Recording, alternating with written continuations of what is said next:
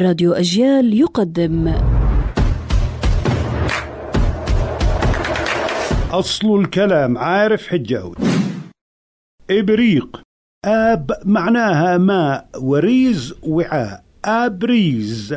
صارت إبريق هذا بالفارسية. الإبريق موجودة في الشعر الجاهلي وقبل ذلك قال المثل الإبريق المجقوم ما بنكسر. وقالوا عن العنيد أنا طشت إبريق زيحوا لي من الطريق. الشعر الجاهلي قال عدي بن زيد ودعا بالصبوح يوما فجاءت قينة في يمينها إبريق.